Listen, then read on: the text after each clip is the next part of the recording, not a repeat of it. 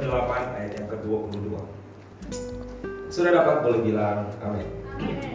Yuk, satu ayat kita baca sama-sama. Kejadian. Sudah dapat ya kejadian pasal yang ke-8 ayat yang ke-22. 3 2 1 ya. Selama bumi masih ada, takkan, Takkan berhenti inti musim menabur dan menuai, dan menuai, dingin dan panas, kemarau dan hujan, siang dan malam. Firman Tuhan katakan selama bumi masih ada tidak akan pernah berhenti apa masa eh, apa namanya eh, menabur dan tidak akan pernah berhenti masa menuai ya. Teman-teman kita harus tahu bahwa prinsip menabur dan menuai itu merupakan prinsip yang Tuhan tetapkan dan itu sudah ada hukumnya. Hukumnya jelas. Kalau kita menabur, kita akan menuai. Setuju ya? Apa yang kamu tabur akan kamu Tuai. tuai. Kalau di dalam dunia apa namanya uh, perkebunan, kita kalau menabur apa uh, satu gitu ya, maka kita akan menuai satu pohon. Contoh ya. Nah, tapi dalam bulan ini kita akan bicara mengenai multiply atau pelipat gandaan. Yang ingin saya sampaikan hari ini adalah teman-teman harus tahu prinsipnya multiply itu beda antara apa yang di otak kita dengan apa yang ada di pikirannya Tuhan, ya. Teman-teman, kalau Tuhan matematikanya Tuhan itu begini. 5 roti tambah 2 ikan bisa kasih makan 5000 orang plus 12 kerajaan, ya. Itu prinsip matematikanya Tuhan. Apa artinya? Artinya adalah uh, apa namanya kalau bicara mengenai pelipat gandaan, bicara mengenai blessing, bicara mengenai berkat, itu kita nggak bisa mengukur. Kita harus ngerti itu, ya. Kita nggak bisa mengukur. Kita nggak bisa bilang sama Tuhan, oh iya, kalau saya nabur 10 ribu, Tuhan akan memberkati saya sekian. Jangan pikir begitu sekarang. Karena di dalam kerajaan Allah, ya, itu ilmu apa namanya uh, uh, uh, cara berhitungnya kerajaan Allah dengan cara berhitungnya kita beda total ya. Beda total ya. Kita berpikir dan kita berkata bahwa oh ya kalau gua nabur ini maka gua pasti akan menuai itu ya. Di dalam dunia apa namanya pertanian mungkin bisa. Tetapi karena hari ini kita akan bicara mengenai multiply mengenai pelipat gandaan saya mau kasih tahu di dalam kerajaan Allah itu beda ya Nah itulah sebabnya hari ini kita harus mengerti prinsip yang pertama Prinsip menabur dan prinsip menuai itu merupakan prinsip kebenaran firman Tuhan yang berlaku bagi siapa pun. Ya, setuju ya? Berlaku bagi siapa pun. Saudara mau percaya, saudara nggak percaya, saudara orang Kristen, saudara bukan orang non Kristen Saudara udah pernah ikut TK, nggak ikut TK. Prinsip itu berlaku buat semua orang. Yang setuju boleh bilang amin? Iya. Tapi ada kedua yang harus kita tahu. Ya, yang harus kita tahu yaitu hari ini saya akan bicara banyak mengenai multiply ya pelipat ganda. Saudara apa yang kita tabur ya ketika kita menabur di dalam iman ketika kita menabur di dalam satu pengharapan itu hasilnya beda saudara. ini yang kita harus belajar. Ini yang kita harus tahu ya. Kalau saya apa ya saya punya apa uh, benih mangga gitu ya saya punya benih mangga Orang menabur maka dia pasti berharap suatu saat akan timbul pohon, ya. Tapi saya mau kasih tahu, ketika saya punya benih, ya, kalau seorang apa namanya petani perumpamannya seperti pohon. Tapi kalau kita orang yang percaya, kita menabur sesuatu dengan sikap hati yang benar, kita menabur sesuatu dengan apa namanya hati yang mengasihi Tuhan, kita menabur sesuatu karena kita taat, itu yang tadi saya bilang hasilnya saudara nggak akan bisa pikir. Hasilnya kita nggak akan bisa duga. Hasilnya kita nggak akan bisa ukur. Hasilnya kita bilang bisa 100 kali lipat. Yang setuju boleh bilang amin ya. Itulah kenapa hari ini kita akan belajar mengenai apa namanya uh, menabur di dalam iman ya. Apa namanya menabur iman. Itu beda ya. Nah Coba kita buka di dalam satu firman Tuhan ya. Kita buka di dalam uh, kitab Kejadian pasal yang ke-26 ayat yang ke-12. Kitab Kejadian pasal yang ke-26 ayat yang ke-12. Sudah dapat boleh bilang amin. Amin. Oke, ya. Yuk kita baca sama-sama kitab Kejadian pasal yang ke-26 ayatnya yang ke-12. Oke, ya. 3 2 1 ya Maka, menaburlah Ishak menaburlah Ishak di tanah itu Dan dalam tahun Dalam itu juga ia mendapat hasil hasil 100 kali lipat Sebab ia sebab berkati ia diberkati Tuhan. Tadi pagi saya sudah bilang, ya, tadi pagi saya sudah sempat katakan buat teman-teman yang, yang yang yang tadi pagi nggak hadir, dengar baik-baik ya. Menurut teman-teman, kita diberkati dulu, baru kita memberi. Apa kita memberi, maka kita akan diberkati. Kenapa? Oh, ya menurut teman-teman, kita diberkati dulu baru kita memberi apa? Karena kita memberi maka kita diberkati. Dulu saya berpikiran begini, firman Tuhan katakan, "Berilah, maka kamu akan diberi." Betul ya? Iya. Dulu saya berpikiran bahwa oh, saya beri, maka saya akan diberkati. Setelah ber- uh, ber- beberapa tahun berjalan, satu kali saya baca di dalam kitab Kejadian. Waktu saya baca dalam kitab Kejadian, Tuhan bicara satu hal. Saudara dengar baik-baik. Pada waktu Tuhan menciptakan saya dan waktu Tuhan menciptakan saudara, pada saat itu Alkitab bilang ketika Tuhan menciptakan semua makhluk, Alkitab berkata, maka berfirmanlah Tuhan, Ia memberkati manusia. Hari itu baru saya ngerti. Oh ternyata bukan saya beri dulu baru saya diberkati. Ternyata saya ini sudah diberkati terlebih dahulu. Itulah sebabnya tidak ada alasan buat saya untuk nggak memberi. Saudara nangkap maksudnya? Yang nangkap boleh ngangguk-ngangguk. Ya, nangkap ya. Dulu saya berpikiran bahwa apa? Berilah maka kamu akan diberi. Itu kebenaran firman Tuhan. Betul, ya. Tetapi setelah saya apa namanya baca Tuhan bilang enggak. Ternyata saya sudah terlebih dahulu diberkati Tuhan. Itulah sebabnya saya harusnya, saudara juga harusnya harus bisa memberkati. Oleh karena itu antara firman yang di dalam kitab kejadian dengan di dalam kitab perjanjian baru itu ada relevansinya. Artinya begini. Saudara, percayalah, kalau tanpa terlebih dulu saudara diberkati, saudara tidak akan pernah bisa memberi. Ya, saya adalah orang yang sudah diberkati. Pada waktu saya lahir, kita bilang Tuhan sudah memberkati saya. Nah, ketika saya tahu bahwa saya orang yang diberkati, saya belajar untuk memberi. Ketika saya memberi itu, berkat saya semakin berlimpah. Saudara nangkap maksudnya? Nangkap maksudnya ya? Nah, itulah sebabnya hari ini anak-anak muda kita harus mengerti betul. Yang pertama yang kita harus mengerti adalah saya dan saudara adalah orang-orang yang diberkati Tuhan. Katakan amin. Amin. Kalau saudara baca di dalam kitab apa namanya kejadian tadi, perhatiin baik-baik ya. Kitab kejadian pasal yang ke-26 tadi dibilang begini, maka menaburlah Ishak di tanah itu dalam tahun itu uh, juga ia mendapat hasil 100 kali lipat. Saya nggak tertarik dengan kalimat itu. Yang saya tertarik kalimat di belakangnya yang berkata seperti apa? Sebab ia diberkati Tuhan. Yang membuat apa, apa namanya Ishak bisa menghasilkan yang membuat tanaman itu bisa apa memberi hasilnya bukan karena dia asal nabur, enggak. Tapi yang bisa membuat itu terjadi Alkitab mencatat karena Ishak diberkati Tuhan. Yang setuju boleh bilang amin. Amin. Saudara nangkap ya? Kalau kita baca kita lihat baik-baik saudara ya. Sebab ia diberkati Tuhan. Saudara perhatiin yang membuat apa yang kita kerjakan bukan karena kita bisa, bukan karena kita hebat. Apa yang membuat kita membuat sesuatu dan itu berhasil sebenarnya bukan karena kita mampu, tetapi sebenarnya hari ini kita harus menyadari karena saya dan saudara sudah diberkati Tuhan. Amin ya. Itu prinsip yang pertama yang harus kita tahu. Jadi kita harus mengerti betul bahwa oh iya. Jadi oleh karena itu mari kita ubah pola pikir kita, ubah paradigma kita. Ya, tadi pagi saya katakan anak-anak muda, dengar baik-baik. Hari ini yuk kita belajar, jangan cuma terima berkat doang, belajar memberkati. Kalau saudara makan sama orang, makan sama orang gitu ya, John, yuk kita makan atau biar apa namanya gak usah ngajak. Waktu kita makan sama-sama, saudara belajarlah minimal belajar apa memberkati sering kali kita kalau giliran makan bareng-bareng mau bayar nunggu semuanya kayaknya dompet berat gitu mau dicabut gitu berat gitu ya nunggu John ngomong duluan kayak John ngomong duluan atau enggak Nova ngomong duluan kayak oh, diam semuanya. Ada terakhir baru. Ayo, ayo, ayo kita pulang yuk. Bayar bayar bayar. Udah. Yuk kita rubah cara itu amin. Kenapa kita harus memberkati? Karena kita tahu kita sudah terlebih dahulu diberkati Tuhan. Amin. saudara di kantor kita punya satu kebiasaan ya. Di kantor ada teman saya punya kebiasaan. Saudara kita kalau makan kita kalau makan dengar baik-baik itu kita berebutan bayar dahsyat ya berebutan bayar? Saya kasih tahu.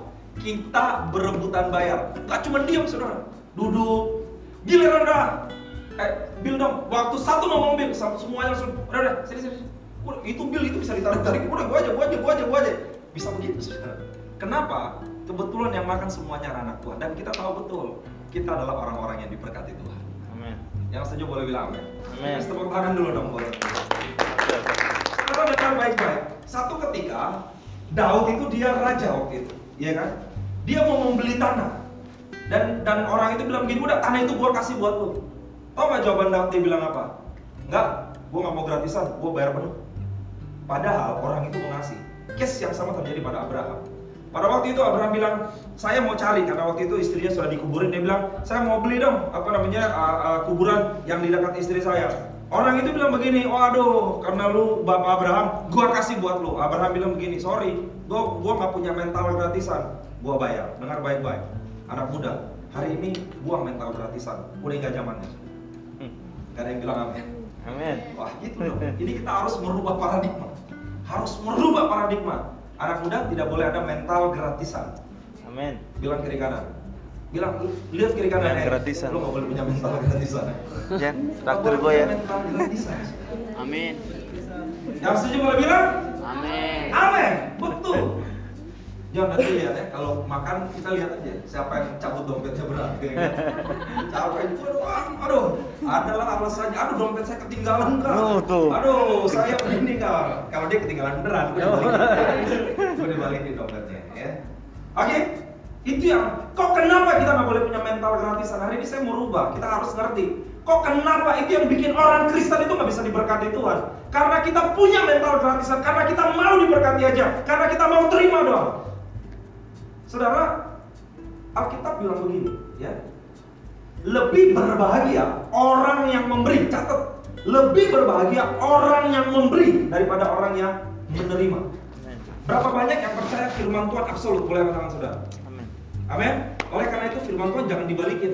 Jangan saudara bilang, oh kalau buat saya kak, lebih berbahagia saya menerima daripada saya memberi. Jangan dibalikin saudara. Firman Tuhan absolut. Kalau Tuhan bilang lebih berbahagia yang memberi, percayalah, saudara pasti akan lebih berbahagia. Amin. Saudara tahu kenapa lebih berbahagia orang memberi? Ya, saya kasih rahasianya buat saudara. Orang dunia berpikir, kalau saya punya satu, saya punya dua, saya punya tiga.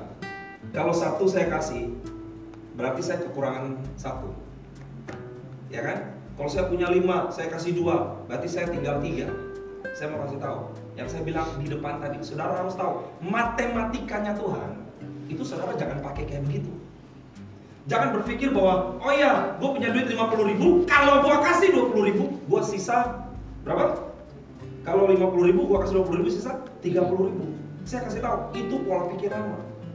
Kalau kita mau hidup dalam kerajaan Allah, kita harus punya pola pikirnya Tuhan. Pola pikirnya Tuhan, ya, yang saya udah bilang, 5 roti plus 2 ikan jadi 5 ribu.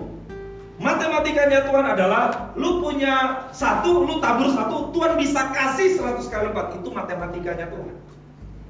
Tetapi itu hanya bisa terjadi kalau yang tadi saya bilang di depan. Kalau kita ngerti betul identitas diri kita, kita ngerti siapa kita. Saudara ingat ya yang saya udah bilang.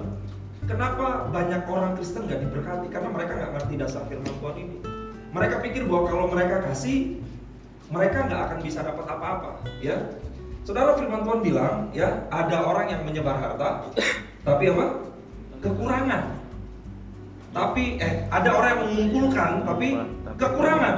Tapi ada orang yang menyebar harta, apa yang terjadi? Berkelimpahan. Tuhan nggak bilang berkecukupan loh. Orang menyebar harta berkelimpahan. Itu matematikanya Tuhan. Amin. Jadi hari ini saya berdoa, yuk anak-anak youth, anak-anak image di tempat ini, kita harus ubah mental kita.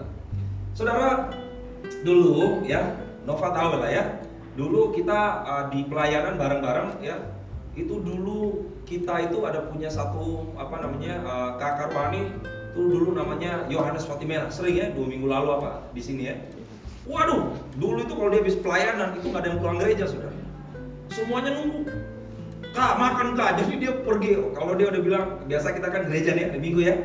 Terus dia bilang kalau udah jam 11 eh gua jalan dulu. Ke mana?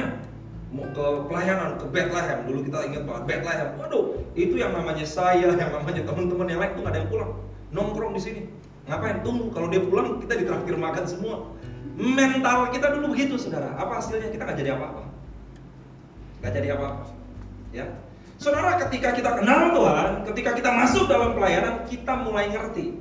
Oh iya ya, ternyata memberkati itu lebih berbahagia daripada kita nerima. Oh ternyata memberi itu lebih powerful daripada kita nerima. Kita mulai ubah pelan-pelan. Mulai ubah. Saudara, ketika kita mulai merubah itu, sesuatu yang besar terjadi. Coba kita cek hidup kita. Apakah selama ini hidup kita biasa-biasa aja? Apakah selama ini hidup kita pas-pasan bahkan cenderung berkurang? Coba cek.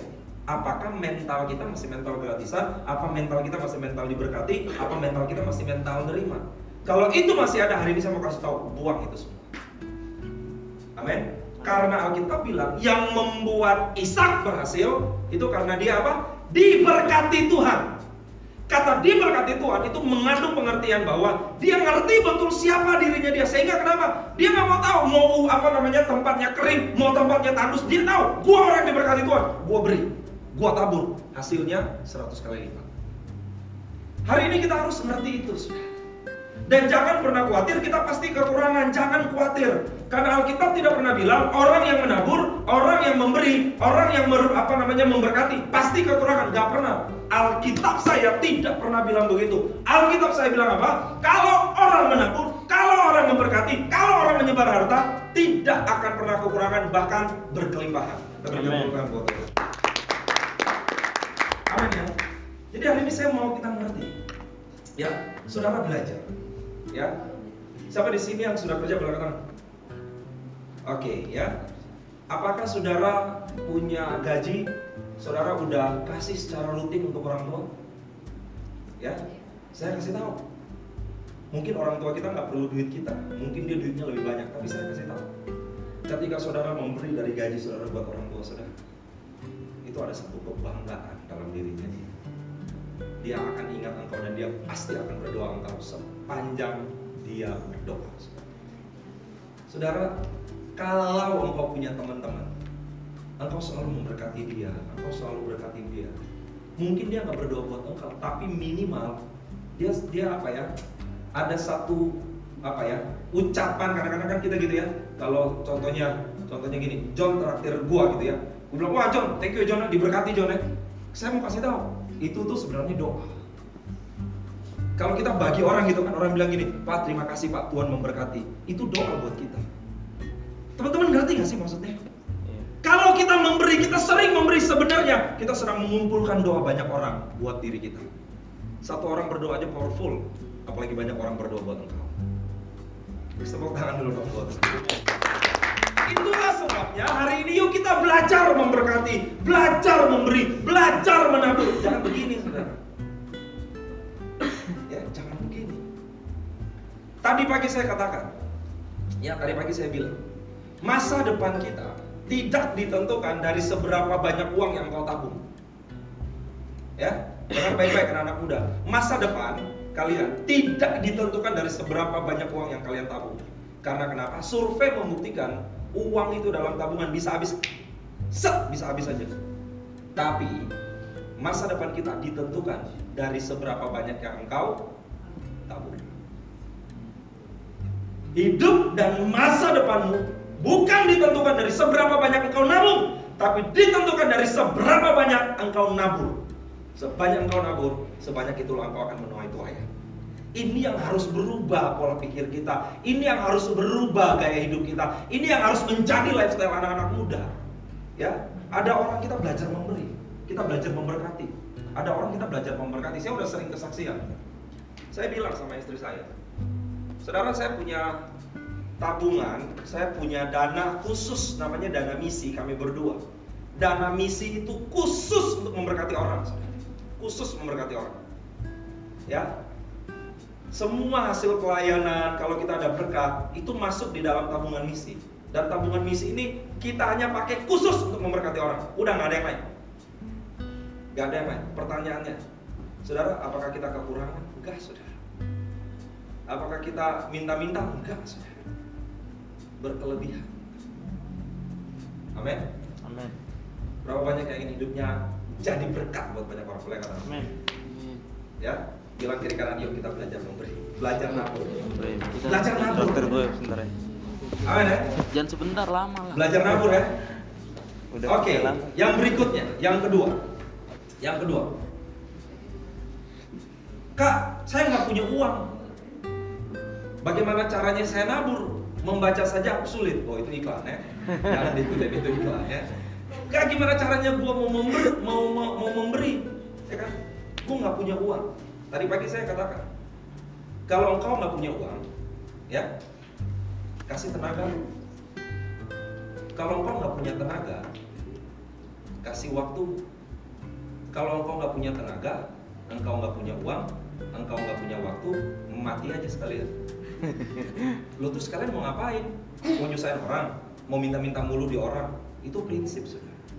Saudara tahu air apa namanya eh, apa namanya eh, laut mati yang di Israel itu isinya cuma air ngalir terus, ngalir terus. Itu nggak ada kehidupan di situ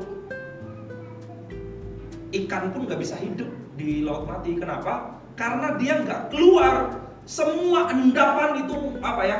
Ngendap di situ dan nggak ada kehidupan di situ. Makanya saya bilang, kalau engkau nggak punya uang, engkau nggak punya waktu, engkau nggak punya tenaga, udah lu mati aja. Ngerti nggak maksudnya? Iya. Karena kenapa? Terus lu mau hidup mau ngapain? Mau jadi parasit buat orang? Ya kan kita orang Kristen men, kita anak Tuhan. Alkitab bilang ke mana pun lu pergi lu harus jadi garam. Terus kalau kita nggak jadi garam, mau kita bilang apa? Ya nggak ada gunanya selain diinjak-injak sama orang. Daripada nama Tuhan kita dipermalukan, mending kita mati aja sekalian. Sorry to say, I have to say this. Saudara ngerti maksudnya? Saya cuma pengen mau encourage anak muda, yuk ada banyak hal yang bisa kita lakukan. Kalau lu nggak punya uang, lu punya otak, lu bisa pakai buat pelayanan. Kasih sesuatu. Kak, gue bisa kreatif. Datang ke John, datang ke uh, Milka, datang ke siapa? Kak, gue mau pelayanan. Gue bisa nulis-nulis. Gue mau bikin kreatif. Gue mau bikin sesuatu. Kasih ide.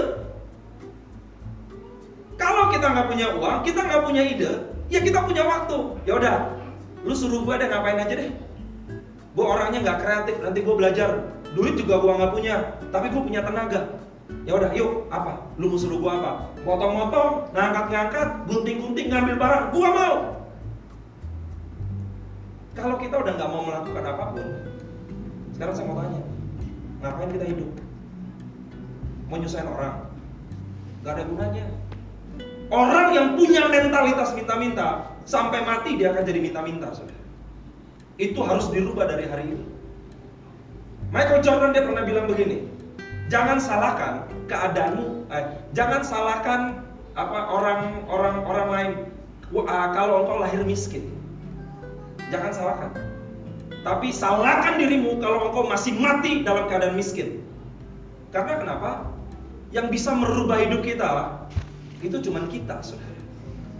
Yang bisa merubah hidup saudara dan hidup dirimu itu cuma dirimu, gak ada orang lain. Dan yang bisa kita lakukan pertama kali adalah ubah ini, saudara. Selama kita punya mentalitas minta-minta, nggak punya mentalitas memberkati, nggak punya mentalitas memberi, nggak punya member- apa uh, mentalitas untuk berkorban, sampai mati kalian akan jadi orang begitu dan jadi orang yang menyusahkan orang lain. Saya nggak mau, saudara. Saya nggak mau hidup saya menyusahkan orang lain. Saya nggak mau hidup saya jadi parasit buat orang lain.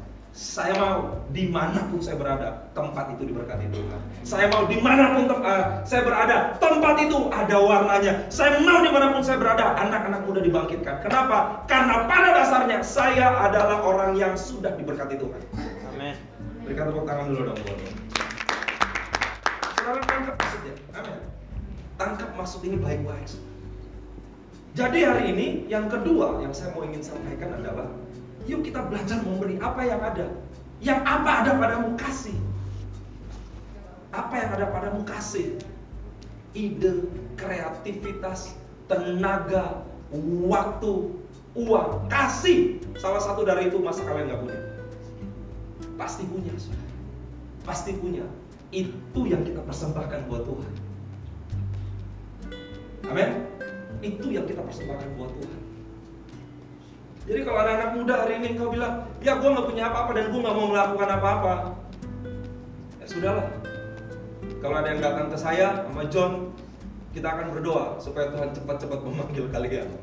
Daripada kalian nyusahin di gereja, nyusahin orang tua kalian, nggak kalian datang kemari juga mau ngapain? Eh teman-teman sorry ya, saya mesti ngomong keras karena ini tahun baru kan, kita harus ubah paradigma kita. Saya mau kasih tahu. Kita kalau datang berminggu-minggu datang seorang diri, itu artinya kita masih punya mentalitas ingin diberkati dong. Kita punya mentalitas sudah Tuhan berkati gue, cuma datang sendiri. Kak, tapi saya apa namanya setia. Yes, lu memang setia. Setia panasin tempat duduk. Tuhan nggak perlu itu. Ngerti nggak? Come on. Orang kalau punya spirit ingin memberkati, sekarang saya tanya, saudara kalau diberkati, kalau kita diberkati nih ya, hari ini saudara diberkati banget lewat pujian penyembuhan lewat firman, ya kan? Minimal, minimal pulang saudara ketemu adik, ketemu kakak, ketemu mama, ketemu teman, sharing sesuatu. Eh tau gak tadi gue diberkati banget. Minimal itulah kita lakukan. Sharing sesuatu. Apa yang kalian dapat sharing itu kalian sudah jadi berkat. Kalau kalian merasa itu betul-betul memberkati kalian dan kalian pengen orang itu diberkati minggu depan bilang begini, eh sini sini sini. Lu besok jam 1 lu jangan ke mana-mana, gue jemput lu. Ajak dia kemari, bawa dia kemari. Supaya kenapa? Supaya bukan hanya engkau yang diberkati, tapi orang lain temanmu itu juga diberkati. Itu baru kita bilang kita punya mentalitas memberkati. Amin. Amin. Jadi jangan bilang kak gue setia banget. Ya lu setia tapi lu nggak ngajakin orang, lu setia tapi lu nggak sharing, lu setia tapi cuma lu doang yang diberkati. Untuk apa? Ada amin? Tenang aja ya kan. Ya firman Tuhan itu harus keras. Kalau kita dikasih susu doang nggak bertumbuh bertumbuh nanti. Ya harus dikasih makanan keras. Amin ya. Ya yang ketiga. Saudara, satu ketika ketika Yesus lagi jalan, tiba-tiba yang tadi pagi saya sudah sempat bilang, Yesus bilang begini, ini semua orang ini kelaparan, beri mereka makan. Yesus ngomong begini, murid-muridnya shock, mereka langsung bilang, responnya begini, Tuhan gimana mungkin kita kasih makan orang sebanyak begini, kita nggak punya uang. Udah deh, Tuhan Yesus yang suruh mereka pergi aja ke kampung-kampung terdekat, suruh mereka makan, nanti habis itu mereka balik. Ya, Saudara bisa bayangin, itu murid-murid yang ngikutin Yesus loh. Tapi mereka masih punya mental lama. Beda dengan anak kecil. Waktu dia dengar begitu, Alkitab memang tidak mencatat nama anak itu. Tiba-tiba dia datang. Dia bilang begini, Tuhan, saya cuma punya ini. Dahsyat itu anak. Saya cuma punya ini. Bukan ambil saudara. Sini. Yang memberkati, dia bilang, apa namanya, pecah-pecahkan bagi buat orang. Saudara dengar baik-baik ya dengar baik-baik. Yang ketiga, Tuhan tidak pernah meminta sesuatu yang kita nggak punya. Tuhan selalu meminta apa yang ada pada kita. Tuhan nggak pernah minta sesuatu yang nggak pernah ada. Tadi pagi saya udah bilang, kalau memang lu cuma punya duit 10 ribu, Tuhan nggak akan pernah minta kasih 10 juta. Dan engkau akan cari orang, eh John gue punya duit tuh, apa namanya 9 juta 900 uh, 90 ribu, gua mau memberi nih. Tuhan nggak nggak nggak seperti itu karena bukan nilai rupiahnya. Kalau engkau punya 10 ribu, dia akan minta kasih 10 ribu. Ngerti ya? Artinya apa? Tuhan tidak pernah meminta sesuatu yang nggak ada. Tuhan hanya meminta sesuatu yang ada pada kita. Masalahnya adalah, masalahnya adalah sering kali kita tidak menyadari kalau kita punya sesuatu. Itu masalah terbesar. Ya, kalau kita nggak mau, itu beda ceritanya. Saya tahu saya punya, tapi saya nggak mau itu beda, saudara. Masalahnya adalah banyak anak muda tidak tahu apa yang dia punya. Itu masalah terbesar. Karena kenapa?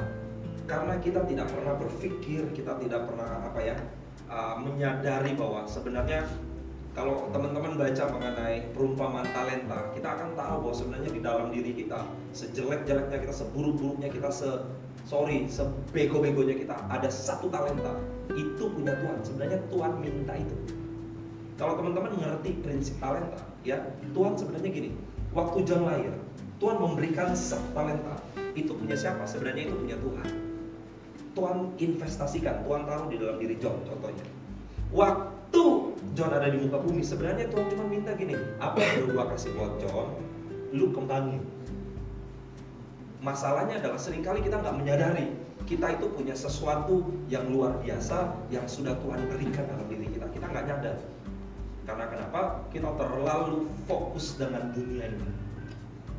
Kita terlalu fokus dengan apa yang ada di sekitar kita, kita terlalu fokus dengan apa yang dunia tawarkan, kita terlalu fokus dengan apa yang dunia berikan. Kita fokus dengan itu semua, sehingga kita lupa kita ini adalah orang-orang yang hebat dan luar biasa.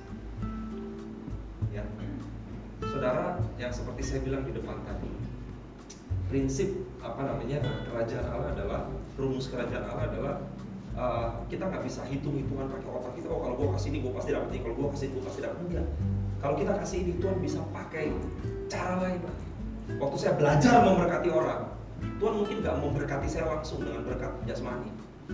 Tapi Tuhan bisa pakai apa yang sudah saya lakukan dengan dia memproteksi keluarga saya. Dia jaga anak-anak saya. Dia berikan anak saya kepintaran dia berikan anak saya kemampuan yang lain. Yang secara uang bahkan saya nggak bisa bayar.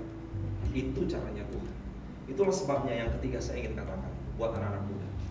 Temukan apa yang sudah Tuhan berikan di dalam diri kita dan persembahkan itu buat Tuhan sama seperti anak kecil tadi ketika dia tahu dia cuma punya lima roti dan dua ikan dia tahu itu nggak akan mungkin bisa kasih makan banyak orang tapi dia datang buat Tuhan dia bilang ini Tuhan saya mau kasih ini Saudara, saya pernah baca di satu artikel, sebenarnya itu adalah bekalnya anak itu. Anak itu dikasih bekal karena dia mau jalan ngikutin Yesus, dikasih bekal nih, lima roti, dua ikan, sambil lu dengerin ikutin Yesus, lu jalan, lu lapar, lu makan. Saya pernah baca artikel itu, ya itu salah satu interpretasi. Nah karena anak ini begitu semangat, dia jalan itu, dia dengerin Yesus, sampai-sampai dia lupa bahwa dia punya bekal.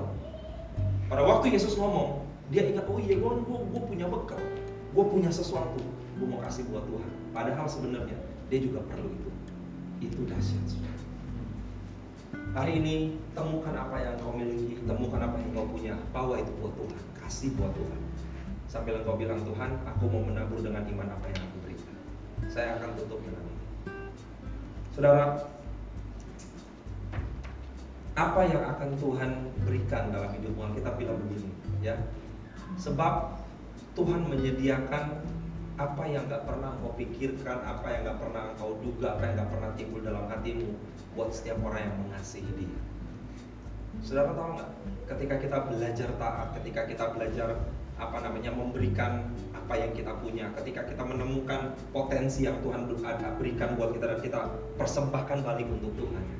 Saya kasih tahu yang Tuhan lakukan dalam hidupmu, engkau akan apa engkau terkagum-kagum dan engkau akan sangat amazing saya sering kesaksian dan saya sering cerita ini. Saudara, uh, mungkin Nova tahu ya bahwa dulu kita kalau pelayanan saya pelayanan, ya saya pertama kali bertobat, saya bisa ngajar orang DK itu rumah saya di Jatibening, saya ngajar orang DK itu bisa di Sunter, saudara. Turun di Sunter itu jalan kaki bisa sekilo siang-siang, makanya kalau saya bosong begini tuh bukan dari lahirnya saudara, memang karena ya pelayan buset pelayanan lagi di bawah ya enggak lah. Ya jadi jalan siang-siang. Zaman dulu belum ada handphone jadi kita bisa janjian dulu. Eh lu ada di tempat nggak oke gue meluncur. Nggak ada saudara. Cuman pakai telepati doang. Udah janjian eh gue akan ngajar lu setiap hari kemis ya. Oke berapa kali pergi sampai ke sana. Om ada Aliong om. Saya pasti ingat namanya Aliong. Orang orang orang Chinese. Wah Aliongnya baru aja pergi. Waduh dalam hati ini orang gue didateng jauh-jauh. Udah dari Bekasi jalan apa namanya sampai di Sunter jalan kaki. Orangnya kagak ada pulang. Saya masih ingat ketika dulu awal-awal kita pelayanan, ya, uh, saya tuh nggak bisa benar. Saya itu dulu orang yang ngomongnya gagap, ya ngomongnya tuh begini, uh, John, nanti lah, lu temen gue ya, gue mau pergi, benar ya, nggak kelihatan ya kalau sekarang begini. dulu tuh gue orangnya begitu, ya, benar, ngomong gagap, ya, Uh, tapi saya belajar untuk uh, belajar setia dalam hal yang kecil. Saya ingat pertama kali saya bertobat, ya, uh, yang saya lakukan adalah yang pelayanan pertama kali saya sudah apa? Saya nggak singgah, saya nggak gulung kabel. Pelayanan pertama kali saya adalah saya ngumpulin bekas permen dan bekas sampahnya orang-orang yang ibadah. Gak yang nyuruh. Tahu kenapa saya melakukan itu? Karena saya nggak tahu lagi apa yang bisa saya lakukan yang saya tahu adalah ya saya bisa ngumpulin sampah ya itu yang saya lakukan saya pungutin waktu kita masih gereja dulu apa di daerah keramat jadi kalau pulang habis gereja setelah orang pulang semuanya saya pasti pulang paling terakhir saya akan jalan setiap lorong saya akan ambil saya akan ambil udah gak ada yang nyuruh gak ada yang minta nggak pernah dikasih penghargaan, nggak pernah diucapin terima kasih. Itu yang saya lakukan. Ya, saya mulai naik lagi semenjak itu saya lakukan apa? uh, saya masih ingat apa uh, disuruh uh, setelah selesai lu beres-beresin ya lu ngelap-ngelapin. Jadi biasanya kan ibadah seminggu sekali ngelap-ngelapin itu yang saya lakukan. Apa yang saya tabur untuk Tuhan? Hari ini yang saya bilang tadi Tuhan gantikan dengan cara yang ajaib, dengan cara yang nggak bisa saya pikirkan. Ya, Tuhan bisa memberikan satu keluarga, Tuhan bisa memberikan istri yang cantik, Tuhan bisa memberikan anak-anak yang luar biasa, Tuhan bisa memberikan apa ya pekerjaan yang baik sekali, Tuhan bisa memberikan saya kepercayaan di betul apa di tempat di mana saya berada, Tuhan bisa berikan saya kepercayaan dalam banyak hal dalam pelayanan. Saya mau kasih tahu, itu kenapa bisa terjadi? Karena dulu saya menabur, saya menabur. Hari ini saya cuma pengen encourage ya. Yuk kita belajar nabur belajar memberi buang mentalitas gratisan. Buang mentalitas apa uh, nerima. Buang mentalitas itu. Saudara harus mulai bilang saya orang yang diberkati Tuhan. Ya. Belajar memberi. Belajar memberkati. Itu yang harus kita saudara apa yang bisa kita lakukan? Lakukan aja deh. Apa yang bisa kita kerjakan? Kita kerjakan datang buat John bilang kak apa yang bisa gua lakukan? Bantu lakukan. Kalau saya udah bilang kalau nggak punya waktu kita punya ide. Nggak punya ide kita punya kreativitas. Kita nggak punya kreativitas kita punya waktu. Kita punya tenaga. Belajar lakukan itu. Dan yang terakhir temukan apa potensi yang Tuhan taruh. Ketika saya berjalan dalam pelayanan saya baru tahu oh, ternyata Tuhan taruhkan apa namanya karunia pengajaran dalam diri saya. Saya mulai kembangkan itu sudah bisa jadi berkat bagi banyak orang kita tundukkan kepala Haleluya Bapak kami yang baik dan mengucap syukur ya, sore hari ini Tuhan. Tuhan Engkau yang berbicara atas setiap kami terus dan terus Tuhan. Ingatkan kami saat ini Tuhan bahwa kami adalah orang yang diberkati Tuhan. Kami adalah orang-orang yang sudah Engkau berkati itulah sebabnya hari ini kami mau belajar untuk tidak